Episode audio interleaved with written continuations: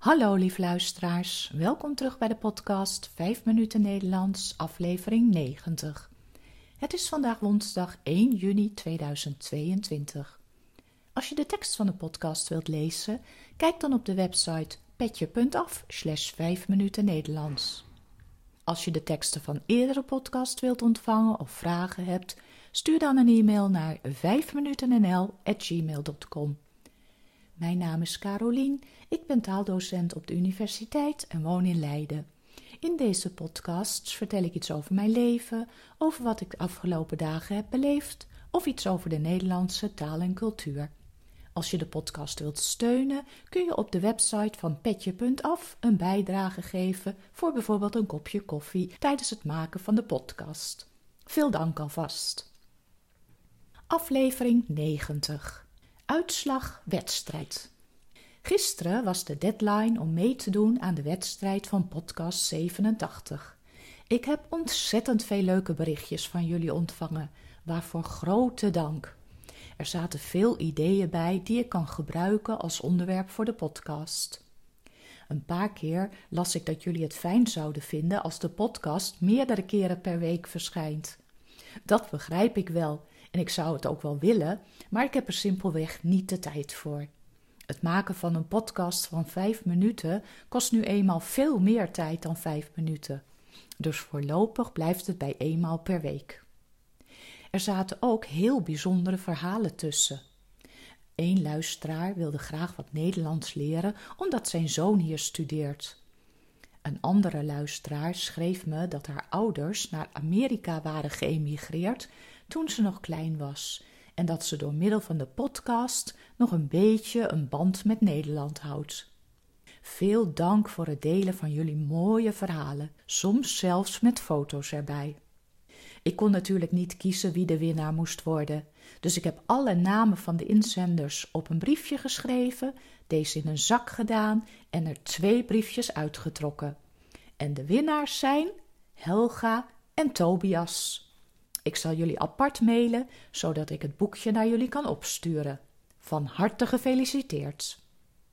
Een van de dingen die naar voren kwam uit jullie inzendingen was dat jullie graag uitdrukkingen of bijzondere woorden willen leren.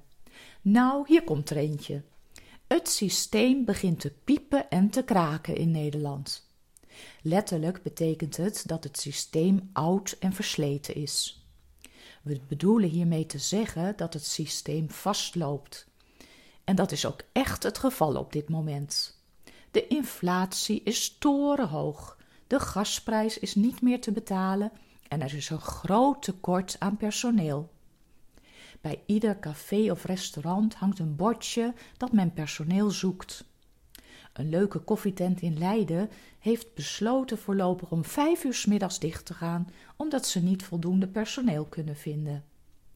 En ik wilde laatst op het strand een afhaalkoffie bestellen, maar kreeg te horen dat ze niet meer aan afhaal doen, omdat ze met de huidige medewerkers maar net het terras konden bedienen en dus geen ruimte hadden om ook nog afhaalkoffie of maaltijden te maken. En ook op Schiphol kraakt het hard. Er is niet voldoende personeel bij de security en ook niet bij de bagageafhandeling. Met als gevolg hele lange rijen voor de ingang. Ze hebben al tenten buiten gezet, maar de rijen waren te lang, waardoor mensen afgelopen week in de regen stonden te wachten.